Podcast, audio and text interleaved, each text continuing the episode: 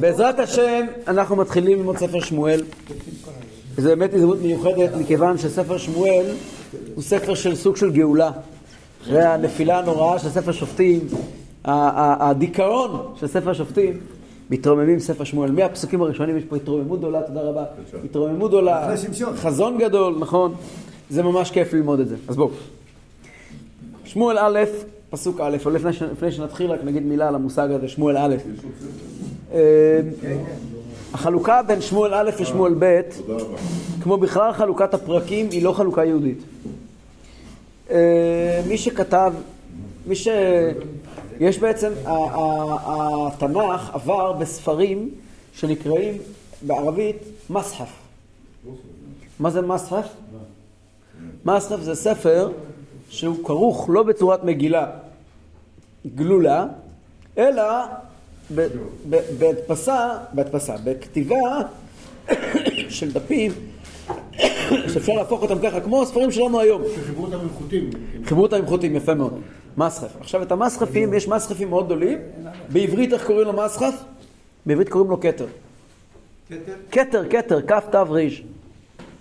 ויש כתרים מאוד מאוד חשובים, המפורסם מכולם זה כתר הרמצובה, אבל יש עוד כתרים, כתר דמשק ועוד, דרך אגב, כאן בשכונה, ברחוב הזה, הולכים לעשות משכן לחלק מהכתרים האלה, שהם הגיעו מסיפור ארוך שהרב חמרה הביא אותם.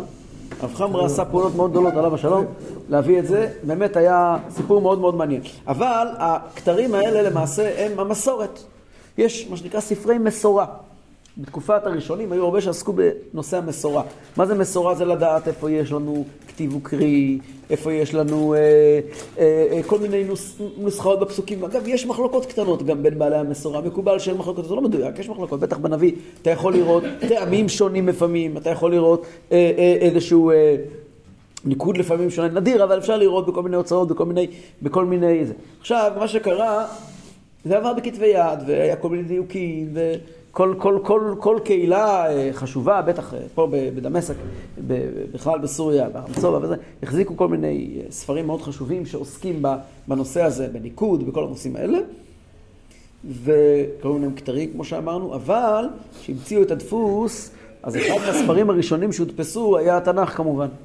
הספר הראשון שהודפס בעברית היה חומש, אבל תקופה מאוד מאוד קצרה אחר כך הודפס כל התנ"ך. כשהוא הודפס, המדפיסים לא היו יהודים, והם לקחו, הכנסייה, עוד לפני כן, הרי גם הם להבדיל משתמשים בתנ"ך, אז כדי שיהיה להם יותר נוח, אז הם לקחו את התנ"ך וחילקו אותו לפרקים. בתנ"ך שלנו, היהודי, אין פרקים, אין בכלל פרקים. אין פרקים. יש פסקאות, יש פרקים במובן של קטע שמסתיים בפ', יש פרשות. פ' או ס', זה פרשות. אין פרקים. יש פרשות. פרשת פירושו, אתה רואה, אתה עולה לספר התורה, אתה עולה בתורה, אתה רואה מתחיל קטע, ואז יש מסתיים ברווח של פרשה סתומה, סגורה, בסמך בחומשים, או בפ', פרשה פתוחה. יש, זה פרשות יש בתורה. אין, אין פרקים. אין פרקים. הנוצרים שמו פרקים בספר תורה, בספר תורה, וגם בכלל, באמת אין. אבל בחומשים. גם בנביא, אין, אין. בחומש, בחומשים. מסביר, כשהדפיסו את זה, אז המדפיסים היו נוצרים. והם הכניסו את החלוקה שהם עשו, הם חילקו, את- הם חילקו את זה, מה שנקרא, לצ'פטרס, לפרקים. הם חילקו את זה לצ'פטרס, מה שנקרא, לפרקים, והפרקים עצמם, הפסוקים כבר מחולקים אצלנו, לא, בלי קשר אליהם. אבל הפרקים, ו- ו- וגם הגיעו ספרים כמו ספר שמואל, או, או ספרים נוספים, הם ספרים שהיו אה, גדולים מדי בשבילם, אז הם פשוט חילקו את זה לשניים, והפכו את זה לשמואל א' ושמואל ב'. אז אצלנו, מלכים, מלכים א' ומלכים ב', דברי הימים א' דברי הימים ב', אה, אה, עזרא ונחמיה שבעצם זה אותו ספר. אצלנו באמת אין כזו חלוקה. למה אנחנו מסתמכים על... אנחנו לא מסתמכים על החלוקה הזאת באמת. כי זה נוח, כי התרגלנו, כי זה נוח. לא מסתמכים, זה לא... תראה, אתן לך דוגמה פשוטה. קראנו עכשיו בתורה פרשת וארא, שבת האחרונה. כן. פרשת וארא מתחילה בפסוק ב'. כן. כי בחלוקה הנוצרית, ויצא משה מן המאיר ויפרוס כפיו אל השם ויאמר למה אראה אותה, זה פסוק א'. התחלה חדשה, סיפור חדש. דיבורי משה והקדוש ברוך הוא. אבל על פי היהדות זה לא ככה. לסיום, עדיין לא הסתיים הפרשה. יש את הסיפור מהרדיפות של פרעה, רדף את בני ישראל, משה רבנו מתלונן, והקדוש ברוך הוא אומר לו, אתה תראה את אשר, כן, אתה תראה, מסתיים, מסתיימה הפרשה. ואז מתחיל בעצם סוג של פסוק א', ויאמר אלוקים, וידבר אלוקים אל משה ויאמר אליו אני השם, וירא אל אברהם, פה זה אמור להיות פסוק א', אבל בחומשים, פסוק ג' נראה לי, או ב' או ג', יש הרבה מקומות כאלה. זה משנה גם את המשמעות, הפרשנות. לכן, אנחנו משתמשים בפרקים, כי זה עוזר לנו. כי זה עוזר לנו. מציינים בדרך כלל, תסתכל, ראה שמואל א', ג', ד', כן?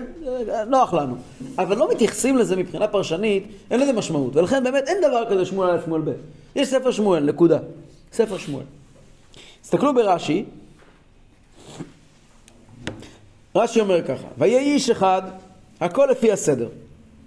משה מסר את התורה ליהושע, ויהושע לזקנים, ושופט מסר לשופט, עד שהגיע לעלי, וממנו לשמואל, כמו ששנינו וזקנים לנביאים. כלומר, אומר רש"י, אנחנו בעצם כעת עברנו, עברנו שלב. עברנו שלב. הספר הזה הוא מעבר שלב מזקנים לנביאים. מה הכוונה? שמואל הוא למעשה הנביא הראשון. נכון. השופט האחרון והנביא הראשון. שימו לב, בימי השופטים, מסורת התורה, לא, מדובר, מדובר. נביא, תקופת הנביאים. מסורת התורה לא עברה באמצעות השופטים. נכון. גדעון הוא לא אחד ממשלשלי התורה ממשה רבינו. הוא לא. הוא היה שופט. אפשר לקרוא לזה בעברית של היום מנהיג פוליטי. לא יודע אם מדויק לומר ככה, אה? מצביא. לא רק. הוא גם היה שופט. הוא גם היה באמת, היה לו איזושהי סמכות מלוכית, משהו. אבל, אבל, אבל, היה לו. כשאנחנו קראנו אין מלך בישראל, היה מסורת התורה שנמשכה, נמשכה מדור לדור, והרמב"ם מתאר 40 דורות ממשה רבינו. והזקנים שנמשכו אחרי יהושע. מי היו אותם זקנים? הגדול שבהם היה פנחס, שדיברנו עליו. פנחס חי הרבה שנים. פנחס חי הרבה שנים, נכון. כמה? אבל לא רק פנחס. מעל 400. שש מאות. 600, משהו כזה, מעל 400. 600 שנה חי? מה זה ההבדל בין. מה יש בקטנה? אתה כבר מתקרב לזה. ארבע לשש? אה, אתה אומר מעל ארבע? שש מאות. ממילא, על השופטים, יש ביניהם שופטים שמסרו, שופטים לשופטים. לך? עתניאל בן קנז היה שופט וכן הלאה. ועלי, עלי היה השופט האחרון. הוא כהן היה. עלי היה כהן, ואנחנו נדבר עליו. והוא גם היה ממשלשלי התורה. ועלי הוא רבו של שמואל. שמואל הוא כבר לא רק שופט, אם הוא היה שופט, שמואל היה חצי שופט, חצי מחייו היה שופט, אבל שמואל בעצם ממנה את שאול להיות מלך ישראל. אז שאול, הוא למעשה לא השופט הבא. מרצונו, לא מרצונו. לא משנה, אנחנו לא כעת באים את כל, לספר את כל ספר שמואל על המילה הראשונה. אבל שאול, הוא למעשה השופט הבא. הוא המלך הבא. אז מה זה שמואל? שמואל מוסר את התורה לתלמידיו. תלמידיו של שמואל זה נתן הנביא, וגד החוזה, ודוד המלך, שהוא גם נביא. ו- ו- ומשם זה ממשיך הלאה לאחיה השילוני, ולאליהו הנביא, ולאלישע. יש פה מסורת נפרדת שלא קשורה למסורת המלכים נכון. שעליה נלמד. אז שמואל למעשה מתחיל פה תקופה חדשה של נביאים. מה התפקיד של עלי? עלי היה שופט, וגם היה כהן גדול, נדבר עליו. אבל לא כמו שמואל.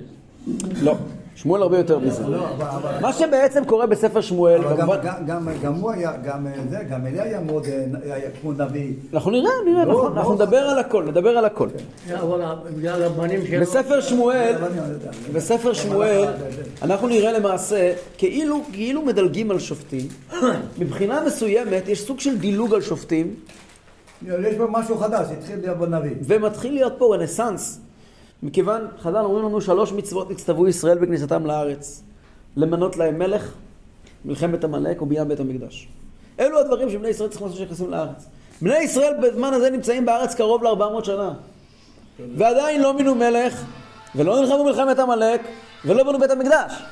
שמואל מגיע, משהו מתחיל מחדש. יש מין כמו פער של 300 שנה בין, בין, בין יהושע לבין שמואל, שכביכול נמחקים. שמואל מתחיל את הכל מההתחלה. ספר שמואל זה קוממיות, זה רנסאנס של העם שכביכול חוזר לנקודת הכניסה לארץ ישראל. ולכן שמואל הוא באמת היה, הוא, הוא מנהיג יוצא דופן, הוא, הוא, הוא, הוא מהפכן גדול, הוא מתחיל גדול, הוא, הוא, הוא התחלות חדשות, שבמידה מסוימת הוא היה מי שהושיב את בני ישראל בארץ ישראל בצורה הנכונה, שהתורה, שחז"ל משווים אותו למשה ואהרון, כמו שכתוב, משה ואהרון בכהניו, ושמואל בקוראי שמו. זאת אומרת, שמו- שמואל שקול משה ואהרון. כמשה ואהרון. למה? כי באמת המהפכה ששמואל עושה היא אחרת לגמרי, היא משהו חדש לחלוטין. למה הוא נפטר נפטר צעיר? אנחנו לא, בוא, אנחנו לא באמת יכולים להתייחס כעת לכל עניין ועניין שהספר עוד יעסוק בו. הלאה. כדי לדבר על שמואל, אז הנביא לוקח אותנו אחורה, אחורה, אחורה, אל לידתו של שמואל. עד היום לא הרנו את זה. מי הדמות היחידה שעסקנו בלידתה, מספר בראשית ועד כאן? היה נוח, בסדר? אבל נוח הוא לא משלנו. רק משה רבינו. רק משה. רבינו, שימו לב. נכון. לא, שמשון. אה, שמשון גם. שמשון גם היה. כן, כן. שמשון גם היה. אלו דמויות בודדות. אבל שמשון זה הבן של נוח. היו דמויות בודדות. דמויות. בודדות. אתם. מוכנים לתת לי למסור את השיעור? כן. תודה. מחילה. אלו דמויות בודדות שהתורה משקפת לנו את המקום העצום שלהם, את המשמעות האדירה שלהם, בעצם העובדה שהם מתחילים ומספרים את הסיפור שלהם לא מגיל 30, אלא מאפס. מה שאומר, הוא נועד לגדולות. זה משהו אחר. כמו שמשון שראינו עליו שהוא, על שמו של הקדוש ברוך הוא נקרא. שמשון הוא נמצא במקום אחר, שמשון באמת היה סוליסט, היה בן אדם שיעקב אבינו חשב שהוא משיח. הוא באמת לא היה אדם רגיל, אז, אז מילא אנחנו נתחיל ונקרא על אלקנה, אביו של שמואל. ובלשון חז"ל, חז"ל אומרים, בשכר אלקנה שמואל. כלומר, אם אתה רוצה לדעת איך מולידים כזה ילד, בוא תלמד מי היו ההורים שלו, בשכר אלקנה שמואל. אז אנחנו כבר נראה, בואו נתחיל לקרוא את הפסוק הראשון. ויהי איש אחד מן הרמתיים צופי מהר אפרים ושמו אלקנה בן ירוחם בן אליהו בן תוך ובן צוף אפרתי ולא שתי נשים, שם אחת חנה ושם השנית פנינה. ויהי לפנינה ילדים, ולחנה אין ילדים. נעצור כאן. אז יש לנו יהודי אחד, איש אחד, מן הרמתיים. איפה זה רמתיים? אז רמתיים, רש"י אומר, שתי רמות היו שצופות ורואות זו את זו. מקום שנקרא רמתיים, יש כאלה שאומרים שהכוונה היא לנבי סמואל. זה רמות באמת, בימינו זה נקרא רמות, נכון? ויש שם יותר מרמות שרואות אחד את השני, יש שם כמה רמות. אז רמתיים, צופים מהר אפרים. זה רמתם של היום אז גם? לא. צופים מהר אפרים, אז אם זה מהר אפרים אז זה לא רמות. אם זה מהר אפרים זה לא רמות, אולי הכוונה צופים אל הר אפרים. אבל, כי משם אפשר לראות את הר אפרים. אבל צופים, אה, אה, אה, יונתן בן עוזיאל מתרגם, מתלמידי נביאה. כלומר צופים, היה שם אנשים נביאים. אז צופים הכוונה, כן, זה הכוונה. ושמו אלקנה בן ירוחם בן אליהו בן תוך ובן צוף אפרתי. מה זה אפרתי? בפשטות זה בשבט אפרים, אבל זה לא יכול להיות, כי אנחנו יודעים שהוא היה לוי. אז זה לא... אז מה זה אפרתי? אז אם אנחנו נגיד שצופים מהר אפרים, הכוונה זה מקום בהר אפרים. אפרתי פירושו לוי, הרי ללווים אין חלק ונחלה בישראל. בכל מקום יכולים להיות. בכל מקום יכולים להיות. אז, אז, אז הר אפרים, הכוונה, אז, אז הוא גר בהר אפרים, אז הוא אפרתי. כן? אבל הפירוש המקובל יותר, אפרתי, אפרתי פירושו איש חשוב. איש חשוב. אפרתי. אתם רואים, רש"י אומר אפרתי, בן פלטין אבגינוס, אדם חשוב. אפרתי זה אדם חשוב. טוב, ויש לו שתי נשים, לאחת קוראים חנה, שהיא אחת משבע נביאות שעמדו לישראל. הנבואה... היא הייתה חנה, הייתה נביאה, לא סתם נביאה, נביאה מאוד מרכזית, הנבואה שלה פותחת את ספר שמואל. אה, היא לא, לא נשמע עליה יותר בהמשך, אבל הנבואה שלה היא נבואה מאוד משמעותית, שהיא בעצם, היא צופה את כל תקופת המלכים בנבואה שלה. אנחנו נדבר על הנבואה של יותר מאוחר. ושם השנית פנינה, לפנינה אין ילדים ולחנה, לפנינה יש ילדים, ולחנה אין ילדים. זו גם ההפטרה שקוראים בתורה, ב... ותתפלל חנה אומרים אצל חלק מהיהודים לפני התפילה כל יום. בראש השנה קוראים להפטרה של ראש השנה, נכון מאוד. המדרש אומר ככה, הסיפור של אלקנה, הוא לא היה לו תפקיד רשמי, אבל הוא היה לו אחריות ציבורית, הוא לקח על עצמו אחריות ציבורית. המון, המון, המון. המדרש, המדרש אה, מתאר את העבודה שלו, התפקיד שלו, שהוא הוא, הוא בעצם היה עסוק בללכד את שבטי ישראל. הרלב"ג והרד"ק כותבים שההתחלה מהר אפרים באה להזכיר לנו את סיום ספר שופטים. זוכרים מה היה בהר אפרים? פסל מיכה, פילגש בגבעה, המלחמה הייתה בהר אפרים. אז, אז, אה? שם היה הר אפרים, הר אפרים. גם בסוף ספר שופטים, גם בפלגש בגבעה וגם במעשה מיכה יש שם התעסקות שלמה עם הר אפרים. עכשיו מאותו הר אפרים מתחילה הישועה. כלומר, מדובר פה על בן אדם שהוא בעצם עומד להרים את כולם. וכך כתוב במדרש, תנא דבי אליהו, אני קורא לכם מבפנים. היה אלקנה, אני קורא לכם מתוך אה, תנא דבי אליהו. היה אלקנה עולה ארבע פעמים בשנה. ארבע פעמים בשנה היה עולה ל... היה עולה לשילה. שלושה מן התורה ואחת שקיבל עליו. שנאמר, ועלה האיש ההוא מעירו מימים ימימה. אלקנה הוא עלה ואשתו ובניו ובנותיו ואחיו ואחיותיו וכל קרוביו עמו וכל בני ביתו היה מעלה את הכל עמו. אמר שלא ילמדו דרך עבודה זרה מן הכנענים ומן הפושעים. מי זה הפושעים? יהודים שעבדו עבודה זרה, כן? ויעשו דבר שלא כתורה. דבר אחר אומר התנא דבי אליהו, למה מעלה את הכל עמו? כשהיו עולים בדרך ולנים ברחובה של עיר, מתקבצים האנשים לבד והאנשים לבד, שכן האיש מדבר עם האיש, אישה עם האישה, גדול עם גדול, קטון עם קטון, והייתה המדינה מרגשת. והיו שואלים להם, לאן תלכו? הם אומרים, אל בית האלוקים שבשילה, שמשם תצא, תצא תורה ומשם מצוות, ואתם, למה לא תבואו עמנו ונלך ביחד? מיד עיניהם משגרות דמעות. אמרו להם, נעלה עמכם? אמרו להם, היי, עוד לשנה הבאה חמישה בתים, לשנה אחרת עשרה בתים, לשנה אחרת הרגישה המדינה כולה לעלות, והיו עולים הימנה כשישים בתים. ובדרך שהיה עולה שנה זו, לשנה אחרת אינו עולה, אלא בדרך אחרת. לקחת עוד אנשים. אלקנה, אומר המדרש, הכריע את ישראל לכף זכות, וחינך אותם במצוות, וזכו רבים על ידו. הקדוש ברוך הוא בוחן ליבות וכליות, אמר לו, אלקנה, את הכרעת את ישראל לכף זכות, וחינכתם במצוות וזכו רבים על ידיך, אני יוציא ממך בן שיכריע את ישראל לכף זכות, ויחנך אותם במצוות ויזכה רבים על ידיו. הלמדת שבשכר אלקנה שמואל. כן. המדרש, ממש היה פה דבר אחר, מדגיש שני אחראויות שהיה לו.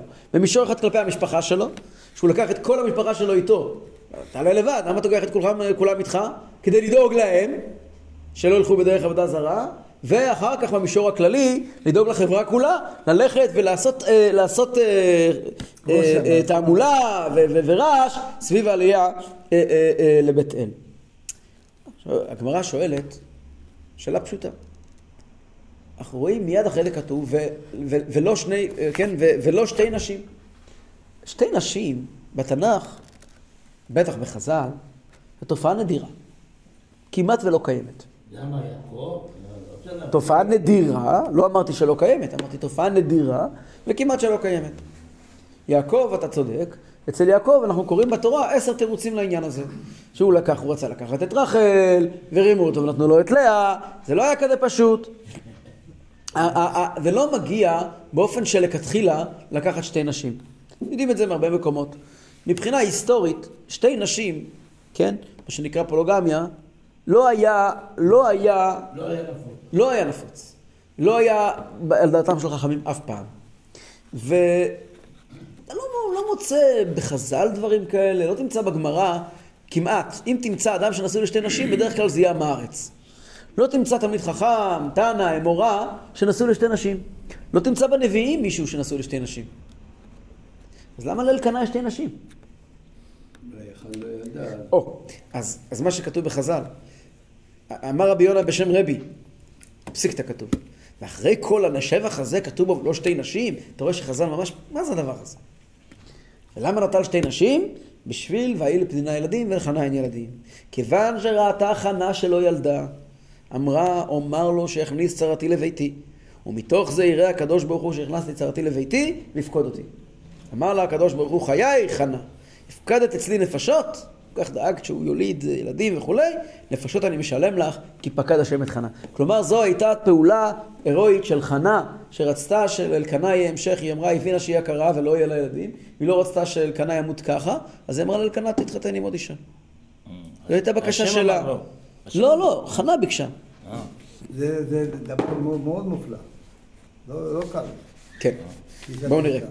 ועלה האיש ההוא מאירו מימים ימימה להשתחוות ולזבוח לאדוני צבאות בשילה ושם שני בני עלי חופני ופנחס כהנים לאדוני כמו שהסברנו קודם שהוא עולה מימים ימימה להשתחוות ולזבוח להשם צבאות בשילה.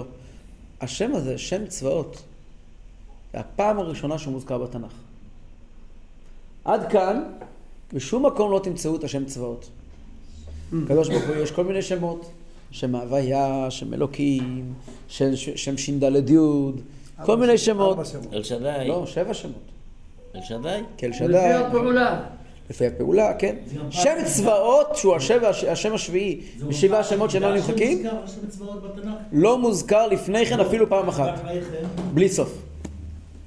תהילים מלא מזה. שם אלוקים צבאות השיבנו, מלא מזה. למה הוא מוזכר פה? מפה הוא מתחיל? אנחנו כבר נראה, כשאנחנו נסיים את הפרק, אולי בשיעור הבא, שמי שגילה את שם צבאות הייתה חנה. חנה הייתה הראשונה שקראה לקדוש ברוך הוא בשם צבאות, נדבר על זה בעזרת השם, והיא שינתה שינוי בעולם באמצעות זה שהיא שם צבאות. אגב, זה קשור לפרשה שלנו, פרשת בו, בלקוטי תורה של אדמו"ר הזקן, בתורה אור על הפרשה שלנו, הפסוק בעצם היום הזה יצאו כל צבאות השם מארץ מצרים על צבאותם, שם זה לא השם צבאות, זה צבאות השם, זה עם ישראל. אדמו"ר הזקן מאוד מאוד מעריך להסביר את העניין הזה של למה חנה הייתה מי שקרא בשם צבאות, אנחנו נדבר על זה בשביל שנגיע לעניין, אבל זה קשור לשבת שלנו, לא יודע אם ללמוד את זה השבוע, אבל זה קשור לתקופה הזאת. טוב. אז פה מוזכרים בדרך אגב שני חבר'ה, חופני ופנחס, כהנים להשם. שני בני עלי. אז עלי אנחנו כבר רואים שהוא כהן. יש לנו גם פנחס בן אלעזר-. לא, לא, לא, זה פנחס בן עלי. זה- זה- לא אותו פנחס. לא אותו פנחס, אפילו לא משפחה, מכיוון שפנחס הוא בנו של אלעזר. כן. עלי הוא צאצא של איתמר. אה, ש... אח אחר. הגמרא דנה בזה. כן. אה? הגמרא מדברת על זה. אז אנחנו נראה את זה בעזרת השם בפרקים הבאים גם כן, אנחנו נעסוק בזה. אז באמת הוא צאצא של איתמר, לא של אלעזר. יש הבדל בין אלעזר לאיתמר, פנחס הוא בן אלעזר, ועלי הוא מצאצאי איתמר. בכל אופן, אז, אז, אה, אז יש לו פה שני בנים, חופני ופנחס. למה הם מוזכרים פתאום? מה נזכרנו בהם? דודים. אחים. אלא, למה? בן אלעזר, בן איתמר. כן, הוא לא בן אלעזר. פנחס בן אלעזר. פנחס בן אלעזר. פנחס בן עלי, אבל פנחס בן עלי, בן יש לו, הסבא שלו שהוא אח של אלעזר, זה- עשרה דורות לפניו, זה לא... משפחה. בסדר. כהנים? כן. כל הכהנים, כל הכהנים הם או בני, פנחס או בני אלעזר, או בני אלעזר או בני, אה, אין- כל הכהנים. אין עוד שני אחרים. האחרים- שני האחרים נשרפו. כן, אז הם מוזכרים פה דרך אגב, חופני ופנחס. למה הם מוזכרים פה? לא הולכים לדבר עליהם אבל. לא, אבל הם כהנים. לא- הם לא, הם לא הנושא כאן. הם מוזכרים כאן כדי להסביר לנו למה אלי, למה, למה היה צריך אלקנה לעבוד כל כך קשה, כי אנחנו יודעים שחופני ופנחס האלה הם היו אנשים שהתנהגו קצת לא בסדר. בצורה לא בסדר. מה הם היו לא בסדר? אנחנו נראה, בעזרת השם, הנבואה הראשונה של שמואל נוגעת אליהם. הם קצת, הם קצת התנהגו, ויש פה שני הסברים שראיתי במפרשים, הסברים מנוגדים. למה הם מוזכרים פה? אותו הסבר רק משני צדדים, רגע, רגע. הפוכים כאילו. מי- אברבנאל אומר, הנוכחות של חופני ופנחס בבית השם, זה היה דבר שגרם לאנשים להתרחק מבית השם. גם אנשים שהם אמרו, יש שם שחיתות. הם היו, הם היו אנשים שקצת, קצת היו נגועים. הרבה יותר, היום זה הרבה יותר. הם היו אנשים גדולים, הם לא היו אנשים קטנים, אנשים גדולים מאוד, הם היו צדיקים. אבל היה שם קצת, אה, קצת, אה, איך זה נקרא היום? קצת מסחרה. ולכן אנשים לא רצו ללכת. אנשים לא רצו ללכת לבית השם. אז זו הסיבה שבעצם גרמה לאלקנה לקום ולעשות מעשה וללכת לבית השם. אז פה בעצם אתה רואה את שבחו של אלקנה, שלמרות ששני בני אלי, חופני ופנחס, קוראים לה שהם יושבים שם, אז היה מצופה ממנו, אנשים לא רצו להגיע. בכל זאת הוא קם והלך, אמר לכו ונעלה אל הר השם שילה. לכן הם מוזכרים כאן כן, בשביל שבחו של אלקנה. הסבר שני, אה, קודם אמרנו במדרש שאלקנה עלה ארבע פעמים בשנה, אבל בפשט, בלי המדרש, ימים ימימה זה פעם בשנה.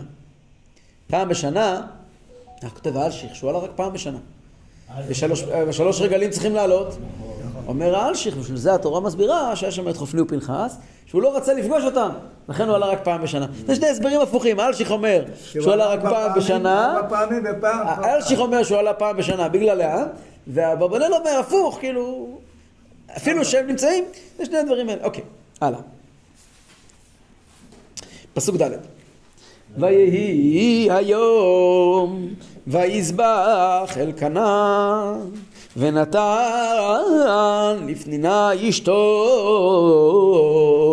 ולכל בניה ובנותיה מנות. ולחנה ייתן מנחת אפיים כי את חנה אהב ואדוני סגר רחמה וכי עשתה צרתה גם כעס בעבור הר אימה כי סגר אדוני בעד רחמה וכן יעשה שנה ושנה מדי עלותה בבית אדוני כן תכעיסנה ותבכה ולא תאכל ויאמר לה אלקנה אישה חנה למה תבכי ולמה לא תאכלי ולמה יירא לבבך הלא אנוכי טוב לך מעשרה בנים. טוב. כל פעם שהיו למשכן בשילה, אלי היה, אה, אה, אה, אלקנה היה מעניק לחנה מנה כפולה. כדי לבטא את האהבה שלו אליה. אבל פנינה ציירה את חנה ולא נתנה לה, הכעיסה אותה ושלא היה תיבון לאכול. וככה המדרש, הילקוט, מתאר את המעשים של פנינה. וככה הוא אומר, הילקוט אני קורא לכם מבפנים. וכי עשתה צרתה גם כעס. כי עשתה צרתה גם כעס. מכעסת וחוזרת ומכעסת. איך, איך מכעיסים? מה הייתה אומרת לה? קנית לי בנך גדול, סודר וכתונת וחלוק? אמר רבי נחמן בר אבא, הייתה פנינה משכמת ואומרת לחנה, אין את עומדת ומרחצת פניהם של בנייך כדי שילכו לבית הספר? ובשש שעות הייתה אומרת לה, חנה, אה? אין את עומדת ומקבלת בנייך שבאו מבית הספר? היא דוקרת. אתה שומעים כאלה מילים, אתה אומר איזה מרשעת, נכון? אבל אחר כך אומרת הגמרא במסכת בבא בתרא, היא התכוונה לשמיים, היא התכוונה טוב. אמר רבי לוי, שטן ופנינה לשם שמיים נתכוונו. שטן, איוב שם שהוא זה, למה? למה הוא הלך לשם, הקדוש ברוך הוא יעשה רע לאיוב? אמר, כיוון שראה לקדוש ברוך הוא שנוטה דעתו אחר איוב, אמר חס ושלום, תשתכח אצלו אהבתו של אברהם. לכן מיד הלך לטפל באיוב. פנינה, דכתיב, וכי עשתה צרתה גם כעס, בעבור הרעימה, כדי שהיא תרעים, כדי שהיא תתרעם, ותפנה לקדוש ברוך הוא בתפילה. זאת אומרת, חנה לא שמה לב שקשה לה. היא הייתה קשורה עם, עם, עם אלקנה מאוד. ראשית המקובצת אומר בשם הראב"ד, שלחנה לא היה חסר כלום. היא הייתה לגמרי לגמרי מקושרת עם אלקנה, ולא היה חסר לה כלום, אנוכי טוב לך מהשאר בנים, זה באמת מה שהרגישה. אבל, אבל, אבל פנינה רצתה שחנה כן תרגיש לא טוב, כדי שהיא תבקש וידעה שחנה צדקנית, ועל ידי התפילה שלה באמת יוולדו לה ילדים. המהר"ל מפראג,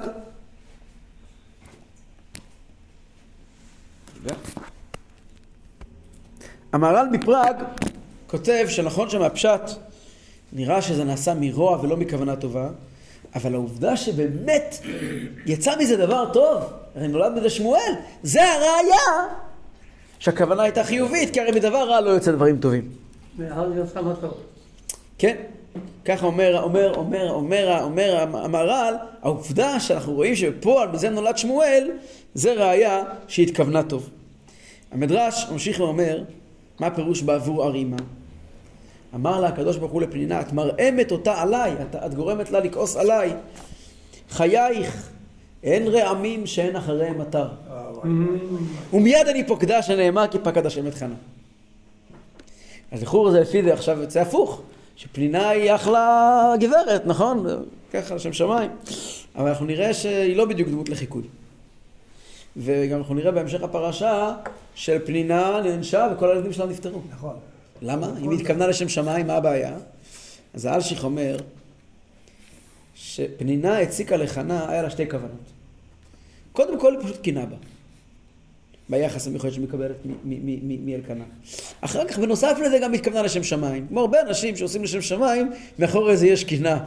זה, זה דבר שהוא מאוד, אה, מאוד מצוי, שבן אדם עושים כל מיני מלחמות לשם שמיים, אבל מאחורי זה יש גם קינה. אז כן, היא עשתה את זה לשם שמיים, אבל מאחורי היה גם קינה. כך אומר אלשיך, גם הבן יהוידע אומר את זה. והמפרשים אומרים שיש פה כמה מסרים מהפסוק הזה, מהמשפט הזה, סתרנו פנינה לשם שמיים אה, נתכוונו. דבר ראשון, קודם כל אפשר ללמד זכות על כל אחד, מפה לומדים איך מלמדים זכות, גם מי שמתנהג כמו שטן, לשם שמיים מתכוון. דבר שני, למרות שפנינה התכוונה לשם שמיים, היא ציירה יהודי אחר. ועל לצייר יהודי אחר יש מחיר. דבר שלישי, זה שאנחנו מחברים את שטן ופנינה ביחד, שניהם מתכוונים לשם שמיים, זה לא מפסיק שהשטן, השטן לא מפסיק להיות שטן. צריכים מאוד מאוד להיזהר מלשם שמיים. לשם שמיים זה אחד הדברים הכי מסוכנים שיש. הפעם הוא לא נח. כן. על פי פנימיות התורה, אז פנינה נדרשת שלא לשבח. הבעל שם טוב אומר, פנינה זה קליפת נוגה. יש לה ילדים, שזה מידות, אה, אה, בזה לעומת זה, זה אהבה זרה ויראה זרה. ולחנה זה מלכות דקדושה, אין ילדים, אהבה ויראה. כלומר, פנינה היא המייצגת של הנפש הבהמית, והילדים שלה זה הרגשות הטבעיים שלנו. אהבה לתענוגות, יראה מפחדים. האימא של כולם זה פנינה והישות. זה הקליפה, היא הנשמה של כל המילות הרעות. אבל לחנה, הנפש האלוקית, ההתבטאות לקדוש ברוך הוא, חסרים הילדים של אהבת השם ויראת השם. ככה שם טוב הסביר, לכן קוראים את זה בראש השנה, כדי להזכיר ליהודי להתמרמר על המצב של הנפש האלוקית שלו, ולהרעים לקדוש ברוך הוא לבקש שלחנה יהיה ילדים, וילדים של פנינה יאבדו. זה, זה, לכן אומרים את זה בראש השנה, ככה מסביר מורנו בעל שם טוב. כל בוקר, כל בוקר. מה, את כל הפרשה או רק את תפילת חנה? לא, תפילת חנה. בסדר, אנחנו מדברים פה על כל הפרשה. פסוק ט'.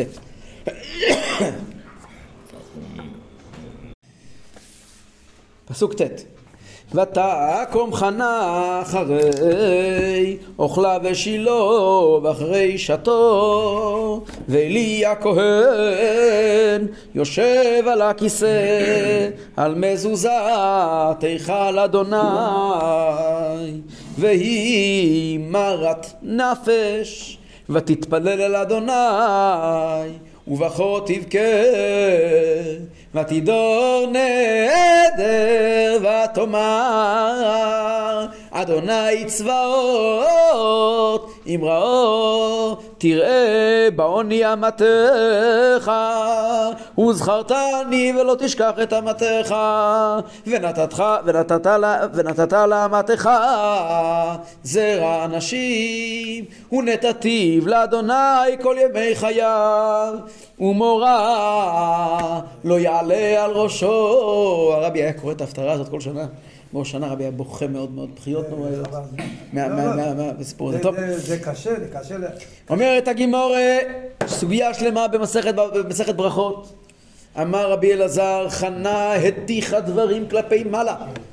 היא דיברה לקדוש ברוך הוא בחוצפה. שנאמר ותתפלל על השם. מלמד שהטיחה דברים כלפי מעלה. מה היא אמרה? אומרת הגמרא,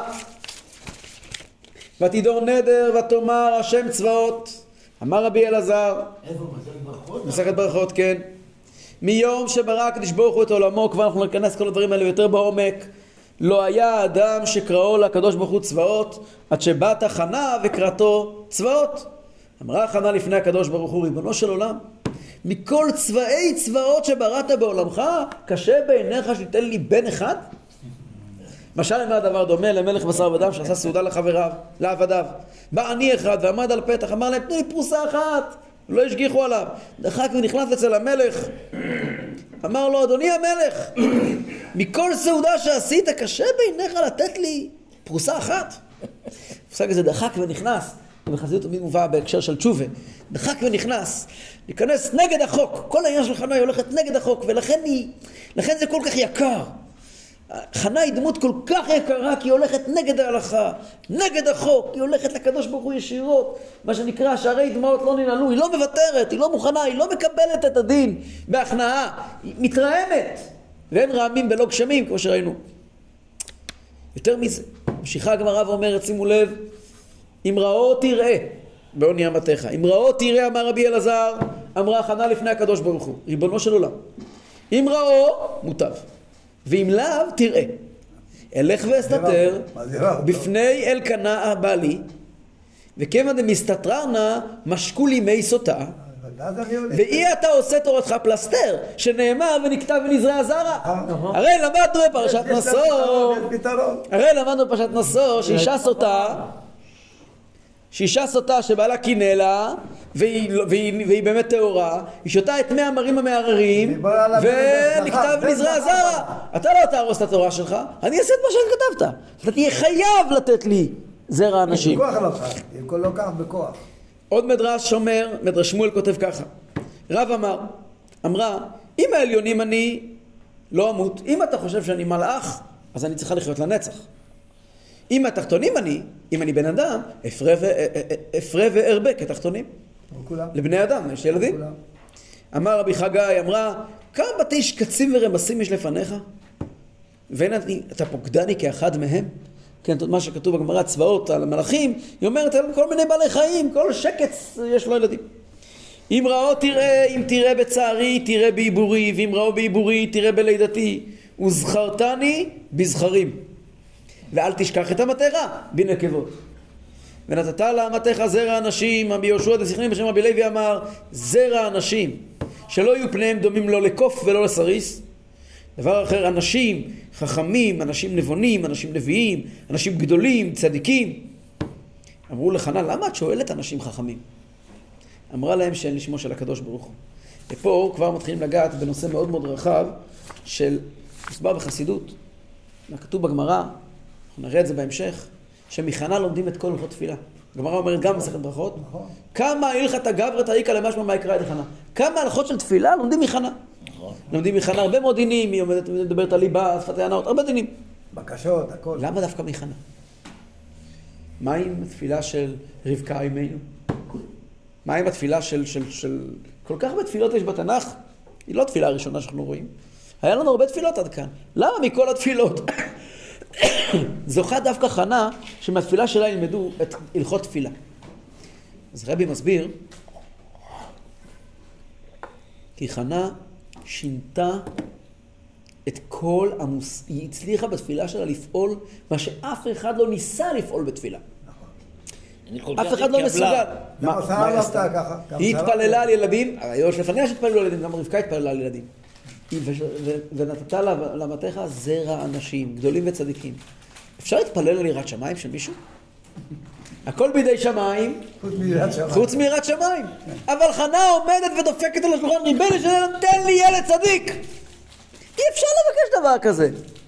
אין, זה לא עובר באף ערכאה, אין דבר כזה לבקש ילד צדיק. אתה יכול לבקש ילד, אחר כך תתפללי שיהיה לו יראת שמיים, ותעזרי לו, ו... אבל בסוף יש לו בחירה חופשית. איך אפשר לבקש ילד צדיק? אבל חנה היא הלכה על כל הקופה, היא לא ראתה ממטר, והיא התפללה והיא היא הרימה על השם. וחז"ל רואים את זה באופן חיובי, לא באופן שלילי. היא רבה איתו. ולכן דווקא מחנה לומדים את כל הלכות תפילה, כי היא פעלה בתפילה הכי עמוק שאפשר. כמה שאתה מתפלל על זה. כמו שהזכרנו מקודם, היא מזכירה בתפילה שלה את שם צבאות. מזכירה בתפילה שלה את שם צבאות, שזה דבר מאוד מיוחד. המדרש אומר על זה ככה, בפסיקתא. אמר רבי יהודה ברבי סימון אמרה חנה לפני הקדוש ברוך הוא, ריבונו של עולם יש צבא למעלה ויש צבא למטה. הצבא של מעלה אינם אוכלים ושותים, ולא פרים ורבים, ולא מתים על החיים לעולם. איני יודעת מאיזה צבא אני. אם מצבא של מטה, אה, אוכלת ושותה ומלידה ומתה כשהם אוכלים, כמו שאמרנו מקודם. דבר אחר, השם צבאות, אמר רבי יהודה ברבי סימון, בפעתי רגלים עלתה חנה לבית המקדש, וראתה את כל ישראל שם. אמר לפני הקדוש ברוך הוא, כל הצבאות האלו יש לך ואין לי אחד בהם, אני רוצה גם ילד צדיק. והנקודה המיוחדת שמפה מתחיל העניין של צבאות קדימה לכל הנביאים, וחז"ל מציינים שגם הנבואה הראשונה של שמואל פותחת במילים האלה. אנחנו נראה שפעם ראשונה ששמואל מתנבא, הוא מתחיל במילים השם צבאות. נכון. למה? אמר לה הקדוש ברוך הוא חנה, מתחילת בריאתו של אדם, לא כיסני אדם בפסוק אלא את. חייך שבנך עומד ופוסק ופותח בו. עד ההוא דכתיב כה אמר השם צבאות, פקדתי. פי חסידות, שם צבאות, זה בעצם אה, סוג של ירידה. לכן אגב שם הצבאות הוא אמנם אחד מהשבע שמות שאינם נמחקים, מותר לומר אותו. כל השמות לא אומרים, אומרים י' כו' כ', לא אומרים את השם, כל, אלוקים, שם צבאות אומרים. שם צבאות אה, בשפה של חסידות זה בעולם, זה זה מלכות. כפי שהיא נמצאת בעולם הבריאה. זה ירידה, נכון. זה ירידה של המלכות, זה בעצם מדבר לא על הקדוש ברוך הוא, אלא על השליטה שלו בעולם. ובעצם השליטה של הקדוש ברוך הוא בעולם, שנקרא בניין המלכות, שזה העניין של ראש השנה, מלוך על העולם כולו בכבודיך, זאת הייתה הפעולה של חנה. כי חנה הביאה לעולם את שמואל, שאול, דוד ושלמה. שאול ודוד, המלכות, שהקדוש ברוך הוא יהיה לא רק בעליונים אלא גם בתחתונים, בצבאות, ששם יהיה השם אלוקים צבאות, הקדוש ברוך הוא ישלוט על העולם, זאת פעולה של חנה. חנה הביאה לעולם, כמו שאנחנו נראה בתפילת חנה, שהתפללת וירם קרן משיחו, היא מתפללת על משיח, היא הראשונה שמדברת על זה שבית המקדש, הרי מה, מה בעצם היה הבעיה עד כאן? שאין מלך בישראל, אין צפירת המלכות. ולכן איש הישר בעיניו יעשה. מה היה הבעיה עד כאן? עד כאן הייתה הבעיה שהיהדות הייתה מין דת עליונה, רוחנית, היא לא הייתה מחוברת עם העולם הזה. ופה בספר שמואל הולך להיות, התורה הולכת להנהיג את עם ישראל באמצעות מלכים, בגשמיות, בית המקדש, קורבנות, כן? מינוי מלך, מלחמת עמלק, בניין בית המקדש, כל מה שמשיח אמור לעשות. משיח זה שאול, משיח זה דוד. ומי שפועל את זה זה חנה באמצעות התפילה שלה, הצעקה שלה. כביכול היא דווקא בגלל שהיא אישה. ואישה זה מרמז על גשמיות. הגשמיות צועקת לקדוש ברוך הוא תהיה מלך שלי. אני לא מוכנה שזה, שהעסק ימשיך קדימה. בעצם היא הייתה הראשונה שהרעימה דברים כלפי מעלה, אמרה לקדוש ברוך הוא, אי אפשר שזה ימשיך כפי שזה עד עכשיו. וזה מה שבראש השנה קוראים. ראש השנה זה בעצם תפילה לקדוש ברוך הוא, אלוקינו אלוקי אבותינו, מלוך על העולם כולו בכבודיך, וינשא כל הארץ בעיקריך, והופע בדר גאון עוזיך על כל יושבי תבל ארציך, וידע כל פעול כי אתה פעלתו, ויגיב ויבין כל יצור כי אתה יצרתו, ויאמר כל אשר נשמה באפו השם אלוקי ישראל מלך. זאת אומרת, זה תפילת חנה.